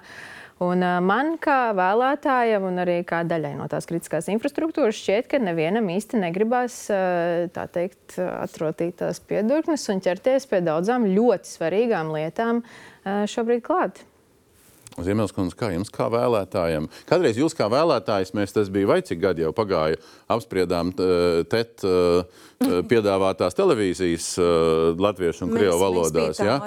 Nu, kā, jūs, kā jā. jūs kā vēlētājs šobrīd skatāties uz to procesu pa šiem jo diviem gadiem? Es varu piekrist vismaz daļēji tam, ko teica Kudorkungs toreiz, kad mēs 2017. gadā, kad es teicu, ka Latvijas šī kultūra telpa ir tik ļoti krieviska, nu tā jau ir tā uh, krieva astoņkājas, kas, kas šeit Latvijā ir. Kultūra telpa vēl aizvien, jūs prāt, ir krieviska? Ļoti, ļoti jā. daudz vēl ir. Jā, mēs, nu, tieši tā, Ukrainas kara dēļ, tas, kas ir noticis, mēs, mēs pamazām esam uh, varbūt tās spējuši uh, no tās, es, es nezinu, no tā transa kaut kāda, ja, uh, sapurināties un, un uz sevīm paskatīt, nu tā reāli paskatīties, kāda ir mūsu sabiedrība, kas šeit notiek. Ja. Mm -hmm. Un tas ir dēļ uh, kara Ukrainā. Tas ir viens, un es domāju, ka tas ir labi, ka tas ir noticis. Vai mēs spēsim un gribēsim visas konsekvences ja, no, tā, no šīs pamošanās? Nu, jūs jau minējāt, ja, Domburkungs, Krievu federācijas pilsoņi, cik mums tur veiksmīgi tas pasākums vēl beigsies, un vai tas nebija tikai tiešām nu, tāds virsraksta jautājums. Ja? Um, tas ir ārkārtīgi. Mūsu sabiedrība ir ļoti komplicēta, un vai mēs esam gatavi reāli ar to tikt mhm. kaut kādā veidā uz priekšu, attīrīties un iet uz priekšu, lai, jo tas ir drošības jautājums. Ja? Nu, es, arī, es, es arī nezinu. Uz šīm skeptiskajām notīm, kā reaģē liberālie un konservatīvie politiķi? Mm, tieši tā. Pieņem? Jo tā ir kritika, tad jums būtu jā, bet, arī. Es pateikšu vienu, jā, var uzskatīt, jā, nu tagad divos gados visi šie lēmumi, bet pat šie lēmumi nācās ļoti grūti. Es jā, strādāju aizsardzības un iekšlietu komisijā. Tā bija tā komisija, kura uh, caur sevi iznes šo lēmumu par latviešu valodas zināšanām Krievu pilsoņiem. kādu mēs kritiku saņēmām spiedienu. Kad tik ne šajā studijā arī tika organizēti disputi un pierādījumi par to, kāda tā ir vēršanās un pārējais. Daudz no šiem lēmumiem divu gadu laikā ir nākuši ļoti grūti, ar milzīgu pretspiedienu. Nav jādomā, jāsadalīt sabiedrība, tie, kas eh, ģimenē runā krievu valodā. Uh, Izdarīts maksimums, ko varēja šeit, izdarīt, viss normāli. Tas ir paldies Dievam, un laikam jāmin tas pats termins, ka neiebruka pie mums, bet iebruka citur. Bet tas ļāva iespēju pieņemt šos lēmumus. Man, es arī mazliet dzīvoju Twitter pasaulē. Es atceros tos cilvēkus, kas rakstīja un gāja skatīties, kā tiek svinēts 9. maija, un neuzskatīja to neko sliktu, jo tiem cilvēkiem tas ir veids, kā viņi tur atcerās vēsturi vai piemin radiniekus. Ja? Vārdus var saukt, bet mēs pieņēmām beidzot, un tas ir tas pareizais virziens un to, ko redz. Un kopumā Latvijas sabiedrībā ir jābūt diezgan stingri tajā attieksmē. Tas ir tāpat kā vai tu esi ar Ukrajinu vai Krieviju, un šeit ir tas pats. Ja? Vai tu esi kopā ar mums, un mēs ejam uz Latviju, un arī zināmā mērā Latviju, Latviju, vai tu esi pret mums? ļoti stingri. Un Jūs visi lēmumi, kas drošība sakos, Latvijā iekšējā un ārējā ir palielinājusies divos gados? Jā. Ir, ja? Un uh, es pilnībā Kudoru kungam piekrītu. Mums ir divas spēcīgas valsts. Mums bija problēma ar NATO aizsardzības plāniem, tāpēc, ka mums aizmugure bija atstāta. Mums bija divas neitrālas valsts, Somija un Zviedrija, kas tagad ir kopā. Tagad Krievijai ir problēmas.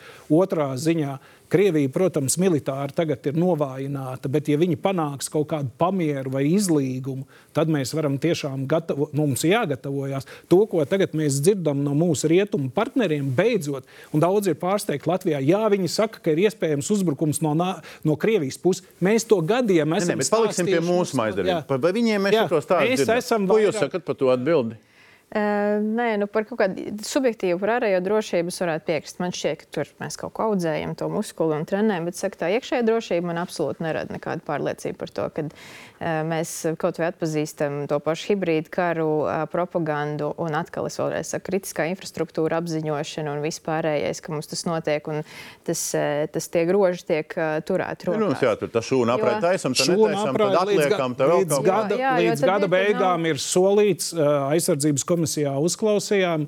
Problēma ir, ka par uzvarētāju saka, sūdzējās, kā tas parasti notiek konkurencē, bet ir apsolīts. Es atkal Twitterī pēdējā laikā neesmu, jo tik līdz es tur ieju iekšā, man gribas pamest šo valstī brīžam.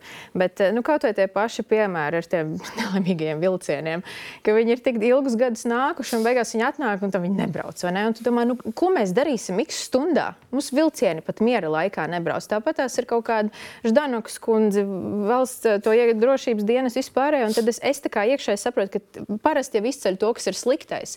Bet kopumā pa diviem gadiem man kā cilvēkam, kurš skatās uz to, kas notiek Ukrajinā, un, un kad, kad tas skats ir nedaudz citādāks, man liekas, ka mēs ļoti flirtējam ar ideju, ka šeit nekas nekad nevarētu notikt. Es gribu tam ticēt, ka tā tas arī būs. Bet es gribu zināt, Ka, ko tad mēs darām, kā mēs rīkojamies, un man bišķiņa lielāka drošības sajūta ir pašai par sevi un arī par cilvēkiem un apkārt. Ko jūs atbildat uz šo? Nu, es varbūt nevaru nepiekrist tai, vidējai temperatūrai sabiedrībā. Jo ik pa brīdim nāk tās ziņas, tas šodien attaisnojušas spriedums personai, kurš Jā. uz naidu kurināšanu, uz agresiju, uz, uz nogalināšanu. Tālāk sieviete arī attaisnot, palaista. Valsts policija neredz nekādu naidu. Nebija savākt pierādījums, iespējams, tiesisks uh, spriedums. Nu, mēs nezinām. Ne, bet tad ir jautājums. Uh, iekšlietu sistēmā, mm, es saprotu, atalgojums ļoti būtisks. Bet kas ir ar kadru profesionālo pieeju un izpratni par šī brīža situāciju? Nu, mēs atminamies ar to pašu sievieti, kur ar savu draugu nu, tagad stājās tiesas priekšā, kur viņas dzīves biedrs vai kas piekāva jaunieti. Nu, mēs redzējām tādu arī nihilistiskā attieksme no pašas policijas pārstāvjas, nu jau bijušās, paldies Dievam. Uh, un, un šeit es redzu, ka tā ir tāda samilzus problēma. Tam pa virsmu nāk tādas, kur mēs atkal paši sev uzliekam kaut kādu sarkano līniju. Tas pats lēmums pagarināt līdz 27. gadam, ka, nu, kas pieteicās, nu, tā valodas Valodas. kārtošana. Līdz 20. kādu signālu mēs iedavām? Nu, kādu signālu mēs iedavām? Ka, ziniet, Bet, Kolkungs- Mēs paliksim ilgāk, pārdzīvosim. Kolkungs, ar šo jūs pasakāt, ka parlaments. sa, jūs sākāt to atbildi ar temperatūru sabiedrībā, Jā. un beigās jūs noslēdzāt kā opozīcijas politiķis, kad vaina ir arī tur. Ne, bet, Bet lielāko daļu jūs bijat pozīcijā posmā. opozīcijas. Tas bija pozīcijā, kur mēs virzījām. Mēs palikām arī mazāk. Jā, jā, jā. bija tomēr. Es šo to pozitīvu arī gribu pateikt. Jā, nav jau tā, ka galīgi nav tā, ka vajag sliktu. Es piekrītu Latkovskungam par to, ka uh, divos gados tie lēmumi ir daudzi labi lēmumi pieņemti. Nepilpēs, cita starpā arī ir aizklapējis ciet to, ko mēs Domnīcā sen, sen teicām, nav labi, nav labi, rekonāka dezinformācija. Jā, jā, bet ir tā. tīkli, ir telegrams, ir visādi varianti. Ko ir, redz, ir arī vēl, ir tomēr visādi mājas darbi darīt. 2016. gads, laikam, tas bija, ja, kad izmainīja to kriminālu likumā, kas ir noziegumi pret valsti, kas ir spiegošana, paplašināja. Mēs redzam, valsts drošības dienests ir kaut kādā ražā ievācis labā nozīmē. Tā tad ir bijuši kā aizturēšanas un notiesājuši spriedumi. Tad nav tā, ka nekas nenotiktu. Ja? Mēs jau latvieši ir perfekcionisti, mēs visam gribam ideāli, un tas ir labi, vajag tā. Bet eh, nu, es domāju, arī, ja būtu x stunda tagad, Latvija mobilizētos, es par to nešaubos. Nē, nē, ne- nerunāsim par to, kas, būtu, ja būtu. Pa- Parunājam par to, kas ir. Mums te Jā. fonā akurāt jums aiz galvas arī, uh, un manais galvas ir tas satelīts šķīvis. Ja? Un tie satelīts šķīvi ir tas stāsts par tām uh, nelegā, nelegālo iespēju uztvert programmas. Uh, caur, caur šķīvi, uh, tā skaitā, ja tu ne, neej caur internetu. Mums hibrīda kara apjoms Latvijā no Krievijas puses, jūsuprāt, Jā, ir mazināts Ir būtiski. mazināts, būtiski. Ir mazināts, es teiktu, būtiski, tāpēc ka lielie kanāli, uh, dezinformācijas RTR, NTV, TV centrs, PBK, tie tomēr bija lielākie instrumenti un visefek visefektīvākie no Krievijas perspektīvas uh, smadzeņu skalošanas instrumenti. Pašlaik ir sociālajos tīklos lielākais kautiņš, iet, jā. tur notiek Es troļļi. vienkārši kāpēc jautāju? Es atcerējos pirms šīs sarunas, ā, pirms vēlēšanām bija Latvijas kongress, un, un, ā, un, un, un es vadīju tur to politiķu diskusiju. Nu, anteni, savi, un tur bija mm -hmm. Rihards Kazlauskis. Tas antenas visas jānovada. Viss. Man kolēģi šodien uh, nu, uz policijas zvana interesējās, un cik mums krimināla procesa ir par tām antenām nelegālajām. Nu, kaut kā tur neviens nesot spējis pateikt, Bet, ka mēs vispār kaut ko darām šajā jomā. Bet es teiktu, es teiktu tā, ja, ja pēd, nesena ziņa, ka, ka Francijas eh, tātad, speciālie dienesti, kas seko nu, šim hibrīd eh, dezinformācijai internetu telpā, ja viņi ir atklājuši simt- Tīklus. tīklus 193 punkti, un ne tikai Francijā, bet arī Vācijā, un, un kas ir skaidrs, kāpēc ir šis, šī fascinācija ar Krieviju. Ja? Tas ir viens no iemesliem, bet tikai viens, jo, jo kā viņi strādā, tas ir absolūti apbrīnojami. Tad mēs tiešām domājam, ka Latvijā šis mēs, nekas nav. Mēs zinām, bet atšķirībā no tām valstīm, kur viņiem pat nav iespējams viņus aizvērt, mums jau sen ir mainīta likumdošana. Mums ir vairākas valsts uh, iestādes, tas Nepulpē, kurš uh, arī vienmēr vērt ciet, vērt ciet. Un jāsaka tā, skaidrs, ka ir iespējas uzstādīt arī šķīvi un tam līdzīgi, bet tiešām Kudora kungam ir taisnība. Diezgan krasi kritās, jo lielākā daļa no skatītājiem viņiem nav tāda finanšu līdzekļa vai iespējas, vai viņi negrib piepūlēties, lai kaut ko mainītu. Un viss nav vienkārši aizvērts šīs programmas, kas bija pieejamas caur kabeļiem un tā tālāk, un viņiem nav pieejamas. Nu, YouTube viņi apskatās atsevišķus.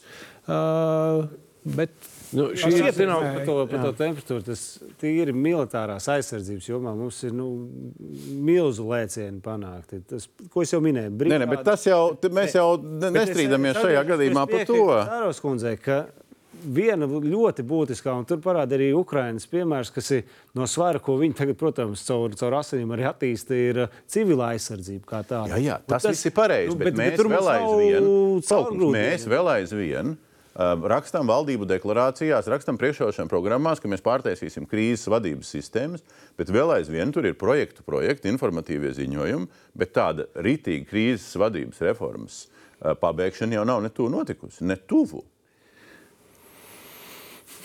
ne tuvu, bet būs. Skaidrs.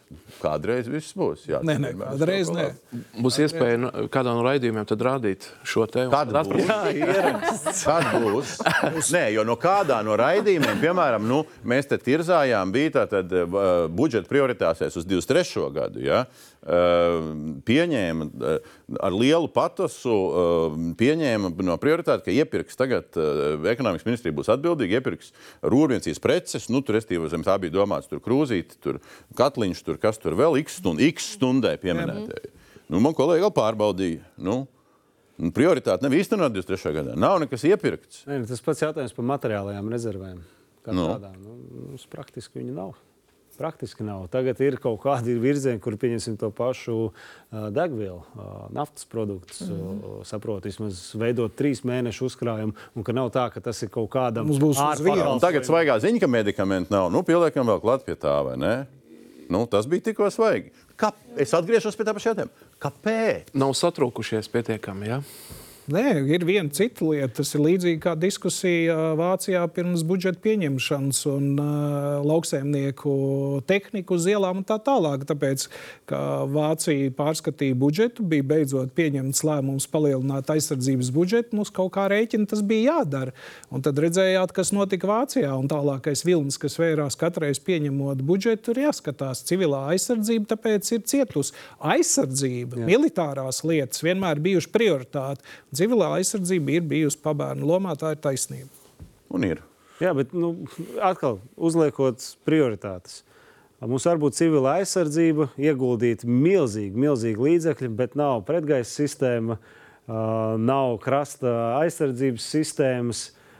Nu, kāda būs tad jēga no otru civilās aizsardzības? Šīs prakti- lietas viena otru izslēdz. Ne, vienkārši, ne, bet Nav- priori- par, nauda, nauda ir galvenais atbildes. Jautājums. bet- Tas, kas tagad Vašingtonas samitā viens no būtiskajiem jautājumiem ir, protams, ir Ukraina numur viens, bet otrs ir, nu, kā tas ir, sanāk, slodzes dalīšana.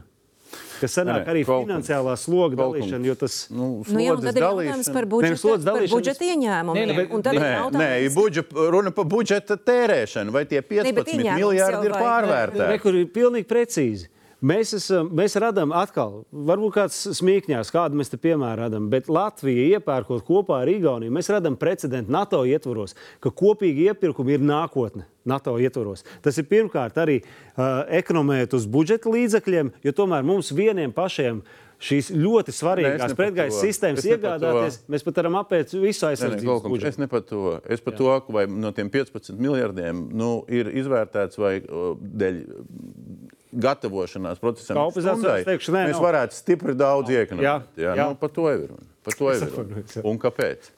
Nu, labi, mēs šitam visam riņķim izgājām cauri no, no, no tā, ka nav Reigana, beidzot ar, ar to, ka mums kaut kas nav un tāpēc būs plāns, bet nevis ir plāns. Nu, tagad ir jautājums, kam kas jādara turpmāk Latvijā. Latvijai iekšēji, Latvijai uz āru, Latvijai Eiropā, Eiropai attiecībā uz Ukrajinu, pasaulē attiecībā uz Ukrajinu, tiesiski, politiski, cilvēciski, humāni, sabiedriski, ar fascinētību pret vieniem, otriem, ar fanošanu pa vienām vai otrām lietām. Nu, kas ir tie ceļi? No jau sākam no jebkura gala. Es negribu speciāli izvirzīt kaut kādu konkrētu jautājumu. Kas būtu tie ceļi? Ja runa- Izolācijas sankcijas vienalga.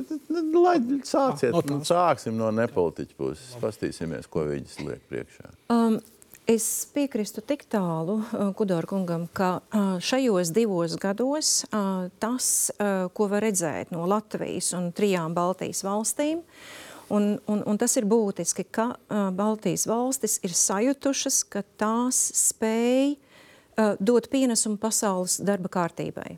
Tas, tas, ir jauns, tas ir jauns, salīdzinoši jauns fenomens. Un līdz ar to uh, es, es teiktu, uz, šī, uh, uz šīs izjūtas, nu, viņa ir tiešām ir, nu, nu, viņas ir jāiegūst. Ja? Uh, nedrīkst viņu atstāt novārtā. Uh, es domāju, ka tur ir milzīgs vēl potenciāls. Ja? Jo vēl ar vienu Baltijas valstīs ieklausās, tā vēsturiski tā tas nav bijis. Ja? Ša, šā, šādi nav sastāvdaļa. Jautājums, vai Baltijas valstīm ir ko teikt? Ja Ta, ta, tas ir tas, ko, tieši tas, ko es gribēju teikt. Tātad šis iespēju lokus visos jautājumos, es atvainojos, viņš, bet diemžēl viņš ir, tāpēc, ka ir karš.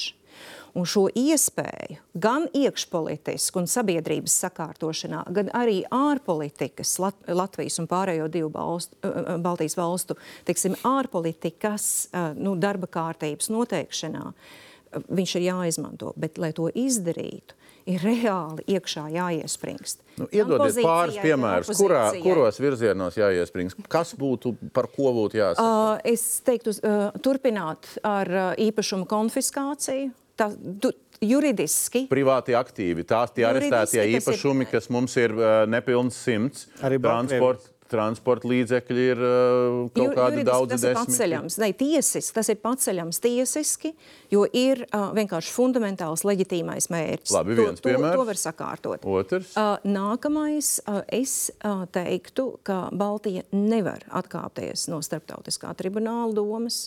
Un tas, tas nav pieņemams, ka ir tikai šīs 37, ja es nevēl, uh, jā, uh, tur ir jāskatās gan caur Eiropas padomes gaņģi, Uh, un tad varbūt Eiropas padome var uh, iet, teiksim, ANO ģenerālajā asamblējā un to rezolūciju vajag jums, jums uzrakstīt, kas atbalsta šo iniciatīvu. Un tur ir tiešām tie rietumi, rietumi, uh, nu, ir, ir, viņi ir jāsavāc. Un to es ticu, ka to var. Austrumu rietumu var savākt rietumu rietumus. Es ap, absolūti. Nē, var. Var, jā. var. Uh, nu, tad ir uh, vēl vairāk teiksim, aspekti, bet manā skatījumā šīs būtu tādas uh, divas nu, konkrētās lietas, ko es varētu šobrīd pateikt. Pavisam no citas puses, Dana, skatoties, kas ir sajūta, kam būtu jānotiek, kas nenotiek. Nu, es tā poetiski runājot, un es arī atceros to reizi, kad es sēdēju šeit pie jums studijā.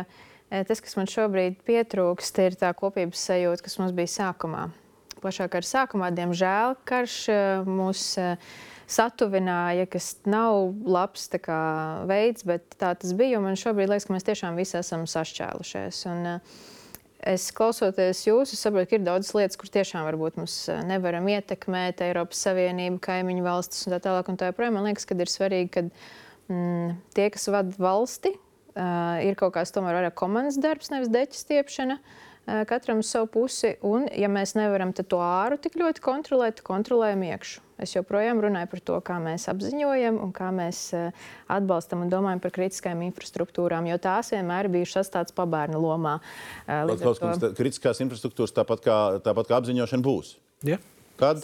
Nezinām. Es vēlreiz pateikšu, gada beigās Labi, būs Gada beigās. aprāts. Ierakstīts ir. Ierakstīts ir. Ierakstīts. Aizsardzības komisijas uzaicināšu Jā, Oh, piedalīties, Ir tad, kad būs atklāšana. Jā, startautiski jāturpina Latvijai tas, ko mēs darām. Jā, NATO ietvaros jāturpina lobēt ideju par to, ka mums jābūt vienotiem, mums jābūt stipriem, jāpalīdz Ukrainai. Mums ir jātulko rietumu rietumos eh, semantiski, kas ir Krievija, nevis tikai lingvistiski. Bet arī semantiski, tātad idejiski. Jā. Mēs, mēs reāli spējam. Mēs bijām PSRS laikos, mēs redzējām, mums ir ko teikt tur, tas jāturpina. Tā Latvijas iekšēnē atkal jāturpina tas pats. Jā. Bruņoto spēku mehanizācija, jaunas sistēmas, tātad, lai būtu gaiss un nosargāts jā, un tā tālāk. Sēlijas poligons, infrastruktūras izbūve. Labi, ka tās naudas ir vairāk nekā viņi bija pirms tam. Jā. Vienkārši jāturpina iesāktais. Jā, Tas pats aizsardzības mācības skolās, vispār, vispārējie šie elementi. Jā. Es domāju, ir uzsākts, viss ir, manuprāt, pareizi. Vajadzētu pātrinājumu. Te man nepatīk Gorbačovu citēt, bet sanāk pātrinājums. Viņam bija populārs vārds. Jā. Vienkārši tie procesi varbūt daudz kur ir sākās tāda nervozitāte sabiedrībā, kāpēc robeža nav sakārtot. Jā, un, nu, es domāju, šeit steiga būtu labvēlīga lieta. Bet paliekot pie tā starptautiskā konteksta, nu, jautājums ir, ko darām, rēķinoties vai sagaidot, kas notiks. Un te es nospēlēšu vēl vienu video. Tajā pašā raidījumā, pusgads pēc pilna iebrukuma sākuma, um, Sprūdkungs, kas tajā laikā vēl nav ministrs, viņš ir tikai Eiropas kandidāts. lietu komisijas vadītājs. Um, Ticamāk. Nē, nē, 22. gadā, pirms Ah. vēlēšanām. Pirms ārpolitika. vēlēšanām. Viņš vēl ir politologs ar vienu kāju, un ar otru kāju viņš tikai ir deputāts kandidāts. Viņš saka par uh, karu Ukrainā sekojošo. Šis ir ilgs konflikts, Neizbēgami. neizbēgami. Ja Tas... tas, Ko darītu civilizētā pasaulē? ja tas nav karš, tad tas jebkurā gadījumā būs pretnostatījums iesaldēta konflikta veidā, pamiera forma veidā, bet būtībā mēs runāsim šeit par konfliktu tuvāko mēnešu, es domāju, ka tuvāko gadu laikā. Šobrīd jau Latvijas Republikas valdības loceklis saka, ka tas būs ilgstošs konflikts, piesauc pamierus, iesaldētos konfliktus. Šobrīd jūs sakat līdzīgi. Putins vēlās iesaldēt, jo Putinam un kopumā Kremlim un Krievijai kolektīvajam Putinam eh, karš vai nekarošana ir tikai instrumenti. Viņiem ir svarīgi pelēkā buferzona, kontrolēt kaimiņu valsts, lai tās neintegrētos rietumiem un tam līdzīgi. Līdz ar to tie signāli jau ir bijuši, ja, ka Krievi runā ar amerikāņiem, viņi gribētu kaut ko saldēt, mm -hmm. bet skaidrs, ka Ukraiņi tam nepiekritīs. Ja Zelenskis teiktu, mēs tagad saldēsim kaut ko, viņu ātri noņemtu tauta no, no, no amata. Ja. Līdz ar to e, mums redz, ir melnbalti. Līdzīgi kā Mits Romnīs nesen teica, ja, mēs jau nezīmējam, tagad, kā Ukraiņai ies ar to rezultātu. Mums ir tikai viena nostāja, mēs palīdzam, dodam bruņojumu, finanses un pārējais. Tas mūsu misija šeit ir diezgan vienkārša, un tas nav slikti. Tas ir palīdz, palīdzēt, cik mēs varam, un turpināt lobēt to, ko Baltieši ir darījuši. Jā, jā, bet vienalga tomēr ir jautājums, vai mēs sev paši sev sakam ilgstošs konflikts Vai mēs sakām kaut kā citādāk? Nu, mēs sakām, ilgstoši tik ilgi, kamēr Ukraina uzvarēs. Varēs, Līdz ar jā. to nu... mums cits risinājums praktiski nedara. Mm. Tad piepildās tie scenāriji, kur uh, Krievija atgūst uh, to pašu spēku, ja ne vairāk, un viņai ir iespējas arī uzbrukt, atvērt citas frontes. Mums tas ir pilnīgi nedara. Nu, tad, kas ir jūsu abu noslēgums šobrīd? Ko var izdarīt citādi, nekā mēs esam nonākuši es, uh, iekšēji un ārēji? Mēs diezgan daudz dzirdējām, ka kāda mājas darba ir iekšēji jāpaveic. Es varbūt atļaušos ārlietu komisijas kompetencē nu, turēties, kas ir sankciju politika. Tas pats meklēt tos pašus mehānismus par eksporta ierobežojumiem. Tās pašas īstenībā mēs redzam, ko Zviedrija dara, kas ir bezprecedenta gadījums kur viņi praktiski atņēma attīstības instrumentus pilnā apmērā. Piemēram, Ruandai viss. Jūs atbalstat Krievijas. Šis ir tas veids, kur Eiropas Savienībai šis svars tagad ir jāliek. Tam būtu jābūt dienas kārtībā. Ja kaut kāda mīnstināšanās jūs nevarat nostāties, kurā vēstures pusē jūs esat, jums arī nebūs Eiropas pilsoņu nodokļu maksātāju nauda un finanšu līdzekļi tajā skaitā. Izklausās skarbi, bet tā ir tā realitāte, kur šajā brīdī ir jādara. Skaidrs signāls no Krievijas puses ir, jā, Viņi ir gatavi. Viņi, un, un īstenībā tas signāls, ko Putins sūta, man pacietība būs ilgāka.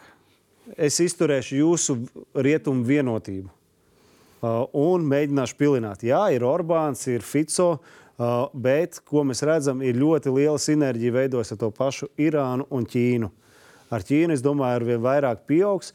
No visas acis ir uz uh, ASV uz novembri kas tur notiks, bet līdz tam mūsu uzdevums ir maksimāli ar ASV politiķiem lobēt Ukrainu, pirmkārt Ukrainu, un otrkārt, protams, arī mūsu reģionu. Un vēl ļoti būtiska lieta ir Zviedrijam. Es ļoti ceru, ka februāra mēnesī tiešām kļūs par pilntiesīgu 32. dalību valsti, ka noslēdzoties Ziemeļvalstīm, ka viņas ar aizsardzību neaizies no mūsu reģiona. Ja tomēr tagad ir tā, tā jau nākamā par, par, par aizsardzību, pre, precizējot, un varbūt aiziet, par aizsardzību, par aizsardzību precizējot, pirms dažām nedēļām tas bija nu, ziņu topos, tagad ir pazudis par tām Otavas konvencijas tēmām, un kuras kainieku mīnus varbūt varētu kaut kā tā.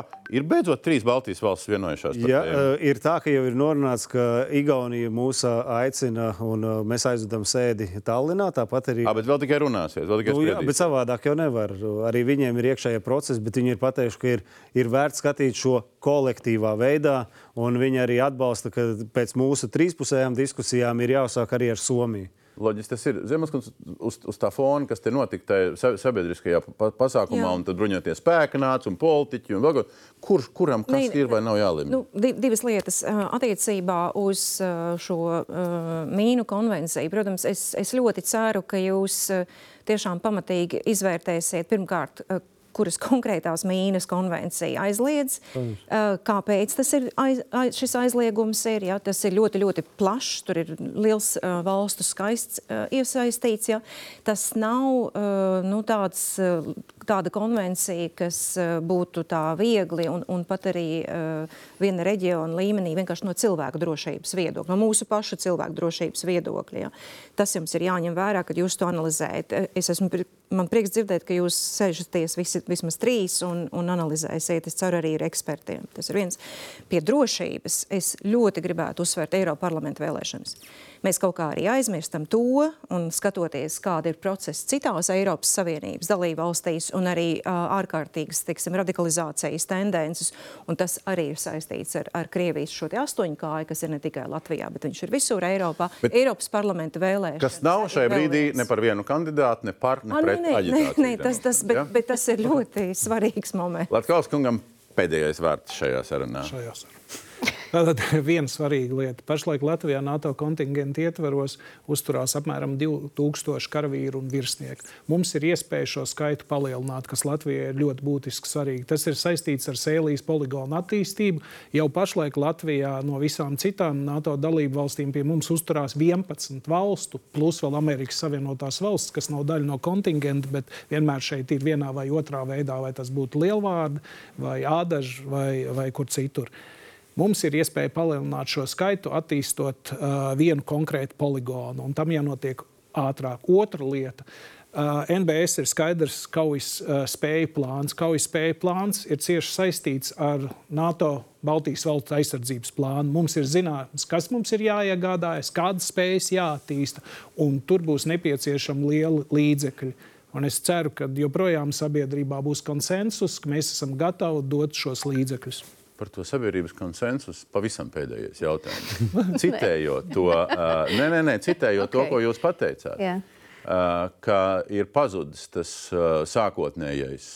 Nu, tas vienotības stāsts. Nu, uh, jaunā vienotība ir un uh, nu, līdz nākamajām vēlēšanām arī būs uh, lielākais uh, politiskais ratrāvienu politiskais spēks uh, valstī. Latvijas varās līdz ar to uh, valdībā un ne tikai.